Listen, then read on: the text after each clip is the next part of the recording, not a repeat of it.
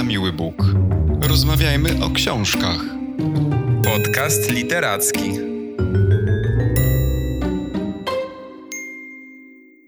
Dzień dobry, cześć. Witamy w kolejnym odcinku naszego podcastu.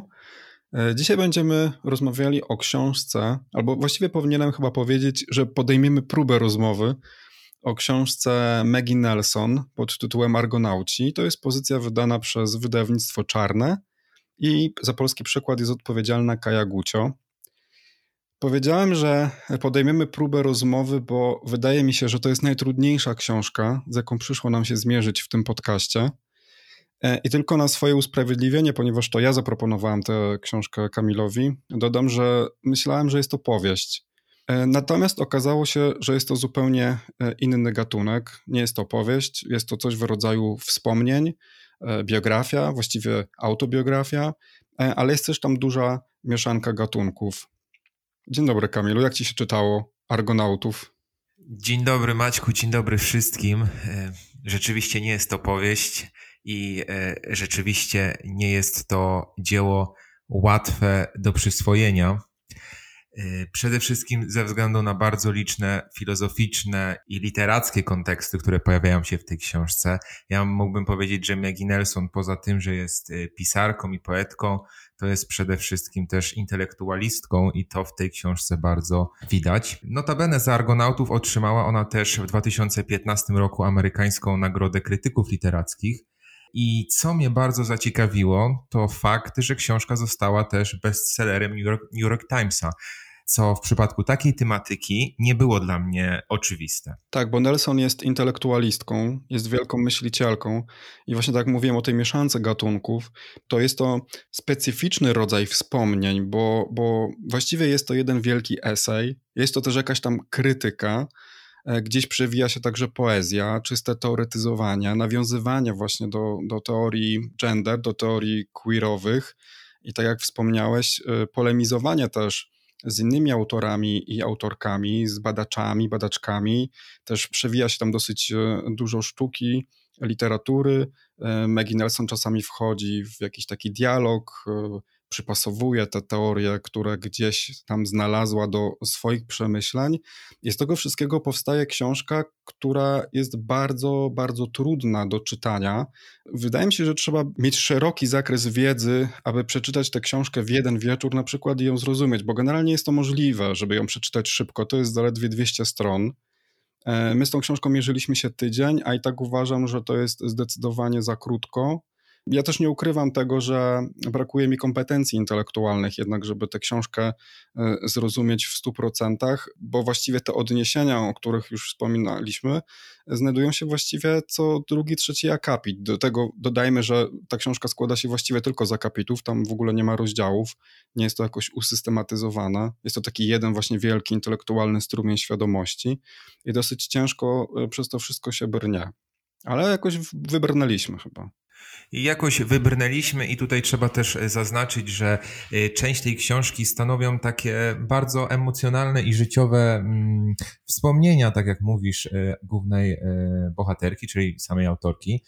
To jest taki pewien rodzaj pamiętników, których właśnie mm, Maggie Nelson próbuje przełamywać przede wszystkim takie obyczajowe konwenanse. A dlaczego musi lub chce je przełamywać? No przede wszystkim dlatego, że jest partnerką osoby niebinarnej i wokół tego tematu kręcą się jej rozważania.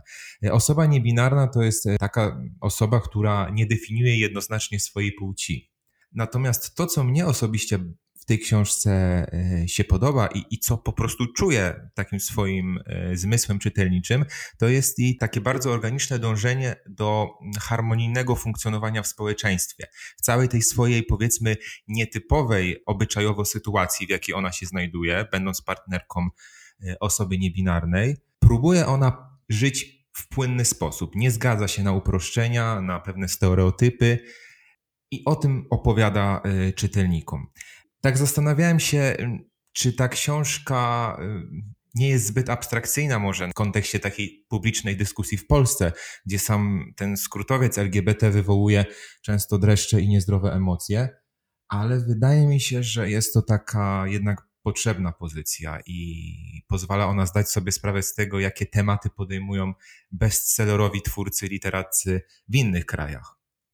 Znaczy, mi się wydaje, że to chyba jest najlepszy moment w ogóle, ten, w którym jesteśmy teraz w Polsce, na publikację tego typu e, książki, no bo ta książka jest takim potopem oświeceniowym, bym powiedział. To jest książka, która właśnie otwiera umysły i która pokazuje, że wszędzie, wśród nas w Polsce też e, znajdują się osoby niebinarne, osoby z tego świata queer, bo wszyscy się skupiamy na tych czterech literach LGBT, ale tam dalej jest LGBTQ+, i właściwie ta książka skupia się właśnie na tym, na tym Q+, na tym, na tym queerze i czymś jeszcze więcej. I to jest końcówka tego skrótowca, y, o której często się zapomina i jakby no chyba jeszcze mało się penetruje te tereny.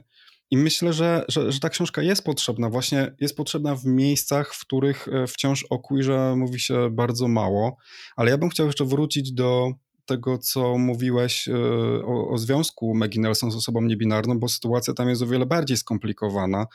Mm, otóż e, Maggie Nelson opowiada przecież w tej książce o swoich doświadczeniach 20 lat życia właśnie w, w, takim związku z osobą niebinarną, ale Nelson poznała swoją partnerkę, bo wówczas była to kobieta, jako lesbijka. Nelson jest lesbijką, związała się z kobietą, po czym jej partnerka przeszła tranzycję i stała się transseksualnym mężczyzną o imieniu Harry. I to właśnie Harry pozostaje osobą niebinarną, to znaczy, tak powiedziałeś, nie określa siebie ani jako mężczyzna, ani jako kobieta. Do tego jeszcze Harry ma dziecko e, z poprzedniego związku, które Maggie przysposabia, staje się jego macochą, ale wkrótce para stara się także o kolejne dziecko. Tym razem ma je urodzić Maggie i jest to dziecko z in vitro. Czyli po prostu cała ta książka, to jest, rozumiesz, to jest, to jest koszmar prawaków. Nie? To jest po prostu koszmar e, konserwatywnej części społeczeństwa, bo jest w niej niemal wszystko, albo wszystko to, co najgorsze kryje się pod tym przerażającym słowem gender. Tak, zdecydowanie. Myślę, że kilku siwych włosów by lektura tej książki e, osobom o konserwatywnych poglądach e, przysporzyła. E, natomiast ta sytuacja partnera Megi jest dla mnie pewnego rodzaju nowością. Sama niebinarność jest dla mnie tematem niezgłębionym. Tutaj y, tekstów psychologicznych nie czytałem za wiele wcześniej, w zasadzie wcale nie czytałem, poza jakimiś takimi typowo medialnymi przekazami. I tutaj y, ta, ta sytuacja jest opisana dużo głębiej, przez co mnie zaciekawiła. To jest tak formalnie rzecz biorąc, tak jak wspomniałeś, y, Harry Dodge, czyli partner Maggie, był najpierw kobietą, ale jakby nigdy nie utożsamiał się z tą swoją przypisaną przy urodzeniu płcią. Y, z biegiem lat ta długowłosa blondynka staje się y, męską lesbijką, czyli w nomenklaturze queer staje się butch, a w końcu rozpoczyna terapię hormonalną, poddaje się też masektomii i mm, wyewoluuje w kierunku płynnej tożsamości, którą tak określa w tej książce jako bacz na testosteronie.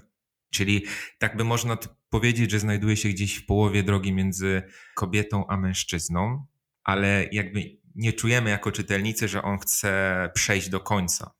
Nie chce się jakby ujednoznacznić. Tak, ale to ta płynność, też miałem takie wrażenie w ogóle, jak czytałem tę książkę, że miałem takie właśnie wrażenie, że wszystko w niej jest płynne. Tam nikt nie zajmuje jakichś ostatecznych pozycji i ta niebinarność przecież sama w sobie właśnie jest takim stanem płynności, właśnie nie zajmowania e, żadnego konkretnego stanowiska. Tam nawet jest taki fajny fragment e, kiedy Nelson pisze o dyskusjach, o fabułach filmowych, że czasami wchodzi w jakąś e, dyskusję ze swoim partnerem Harem i rozmawiamy o jakimś filmie, i automatycznie zaczynają e, zajmować jakieś pozycje. I często bardzo są to pozycje spolaryzowane i ona się złości na to, na twórców filmowych, że właśnie tak w ten sposób konstruują um, fabuły współczesnych filmów, że dyskusja o jakimkolwiek filmie właśnie przeciwstawia sobie rozmówców. I ona jest cały czas podkreśla to, że, że, że nie, niekoniecznie musimy być na tak twardych e, pozycjach ustawieni.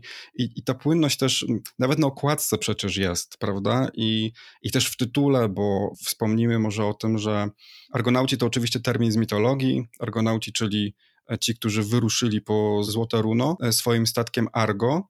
E, I pada tam takie zdanie w książce, że części Argo można wymienić, ale statek ciągle nazywa się tak samo. I Nelson tutaj nawiązuje do takiej interpretacji tego mitu o argonautach Rolanda Barca, francuskiego intelektualisty i pisarza, który w swojej książce wydanej w 1975 roku umieścił metaforę zaczerpniętą właśnie z tego mitu o argonautach i on tam pisze, że, że argonauci wymieniali po kawałku każdą część swojego statku, aż w końcu otrzymali zupełnie nowy statek, nie zmieniając jego nazwy i kształtu. De facto tym argo w, w tej książce jest właśnie Harry. To znaczy można wymienić coś w swoim ciele, albo coś zabrać, albo coś dodać, coś ująć, a mimo wszystko ciągle jest się e, tym samym. To też nie jest wniosek, do którego ja doszedłem sam. To jest coś, co gdzieś znalazłem grzebiąc dalej i myślę, że tak tę książkę właśnie należy czytać, bo ona nie jest podręcznikiem do queerowości, ona jest e, raczej pewnego rodzaju mapą, którą Nelson nam zostawia i trzeba samemu rozszyfrować te wszystkie tropy, które ona zostawia. Cały czas jakby nawiązuje do tego, że to też nie jest książka być może do końca dla nas, bo nie jesteśmy z tego świata intelektualistów Nelson, nie jesteśmy z tej jednak niszowej grupy ludzi, którzy studiują gender czy queer. W związku z tym, tak jak mówiłem na początku, tę książkę się czyta bardzo trudno, ponieważ trzeba cały czas wyszukiwać to, co autorka nam podrzuca. Wiesz o czym mówię? Że po prostu trzeba wy wykonać bardzo dużą pracę, czytając tę książkę, żeby ją w pełni zrozumieć. Mam takie wrażenie, dlatego nie można jej czytać e, przez tydzień, raczej tygodniami ją trzeba czytać. Tak, możemy do tej książki wracać jeszcze w kolejnych e, okresach, bo rzeczywiście jest tutaj co zgłębiać. Natomiast sama autorka też bardzo wprost przyznaje, że często nie jest pewna swoich obserwacji. I to też jest pewne pokrzepienie dla czytelnika, że ona tak naprawdę opisuje świat, który jest bardzo nowy i który jest bardzo nieopisany. I też pisze mm, o tym fakcie w kontekście języka, że tak naprawdę opis Harego, opis życia z jej partnerem stawia ją w sytuacji pewnego problemu. Jak opisać to istnienie i to doświadczenie, y, dla którego tak naprawdę nie stworzono jeszcze odpowiedniego języka. W pewnym uproszczeniu można to właśnie nazwać problemem zaimków i końcówek, ale myślę, że chodzi tutaj też o, o, o, głębsze te struktury językowe, bo to jest po prostu temat niezgłębiony. Ale wysuwa się z tej książki taki morał, y, któremu Nelson bardzo wtóruje, że mimo, że pewnych stanów nie da się wypowiedzieć, nie da się y, ubrać je w słowa, to i tak te niedoskonałe próby napisania o tym są lepsze niż darcie szat nad taką rzekomą bezradnością języka.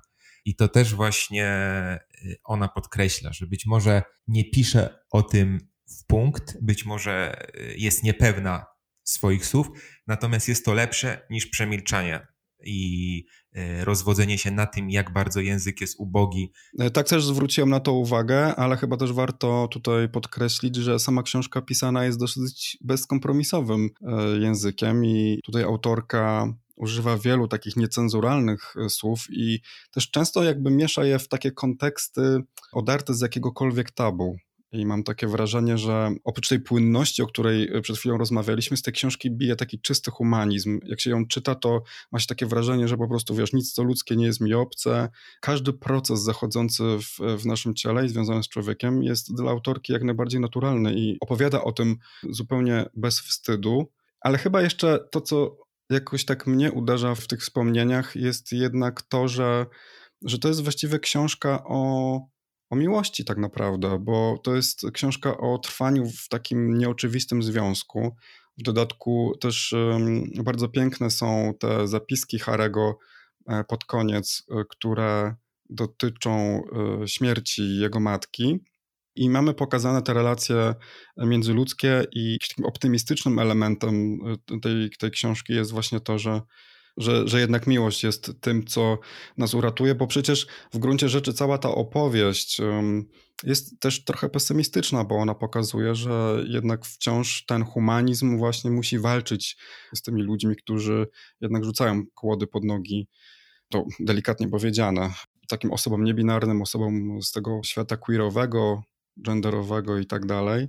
Jednak miłość, i tutaj też y, dla potwierdzenia Twoich słów y, posłużę się fragmentem, który pokazuje też y, to uczucie z zupełnie innej strony, z zupełnie innego obyczajowego kontekstu, czyli trwania przy osobie, która zmienia swoją płeć, która poddaje się również zabiegom.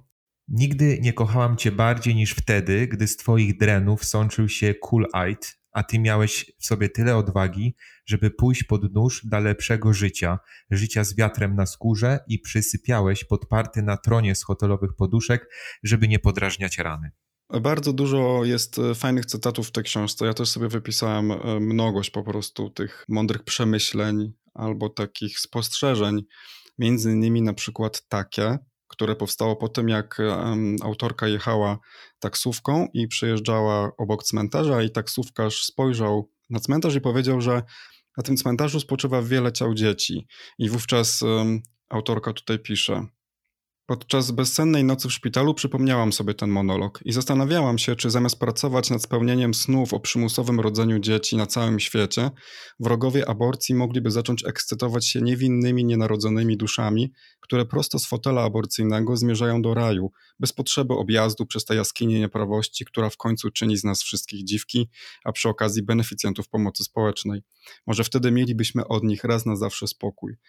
No, także dużo jest takich odważnych, prowokujących e, myśli, e, dotyczących właśnie nie tylko queer, nie tylko gender, nie tylko e, binarności, ale też tego wszystkiego, z czym współczesny humanizm czy oświecony ruch liberalny musi się tutaj mierzyć i z czym idzie na sztandarach. No cóż, myślę, że to jest książka potrzebna w Polsce, natomiast tak jak mówię, obawiam się, że ona może być bardzo trudna w odbiorze. I też zataczając koło, zastanawiam się, jak ta książka stała się e, bestsellerem, bo wydaje mi się, że to nie jest e, też taka pozycja, którą tak właśnie masowo można zaadaptować i, i, zrozumieć w pełni. E, zresztą powtarzam to jeszcze raz i też myślę, że było trochę to słychać dzisiaj, że bardzo trudno się o tej książce rozmawia i dla mnie też jakby wiele kwestii jest tak płynnych e, w tej książce, że jest bardzo trudnych do uchwycenia i bardzo trudnych do przekazania dalej i bardzo też długo myślałem o tym, co powiedzieć o tej książce, jak o niej opowiedzieć, i myślę, że warto do niej wracać, tak jak e, zasugerowałeś. To jest dobry pomysł. E, wracać, podczytywać właśnie te akapity, sprawdzać też w, na przykład w czasie, jak tę książkę rozumie się po latach, czy rozumie się lepiej. Mam nadzieję, że lepiej. Taki dobry, dobry miernik. Naszej świadomości. Tak, naszej świadomości, intelektualnego rozwoju bo zdecydowanie jest to książka erudycyjna i, i, i taka, która może nas e, też właśnie wiele nauczyć i też sprawdzić naszą wiedzę. Jasne. Także Argonauci są godni polecenia przez nas. Myślę, Maćku, że, że tutaj y, polecimy mimo tych trudności, które ta lektura przynosi. Ja się zgadzam z tym, co też powiedziałeś o autorce, która wspomniała przecież o tym, że nawet jak coś nie do końca się udaje opisać, to jednak warto podjąć jakąś taką próbę. To ja uważam, że nawet jeżeli książki nie do końca się rozumie, to warto jednak podjąć próbę przeczytania takiej pozycji, bo jednak coś zawsze w nas zostanie. I tym zdaniem zakończymy naszą dzisiejszą rozmowę. Słyszymy się za tydzień i dziękujemy za Waszą uwagę. Dziękuję bardzo, do usłyszenia. Na miły Bóg. Rozmawiajmy o książkach. Podcast literacki.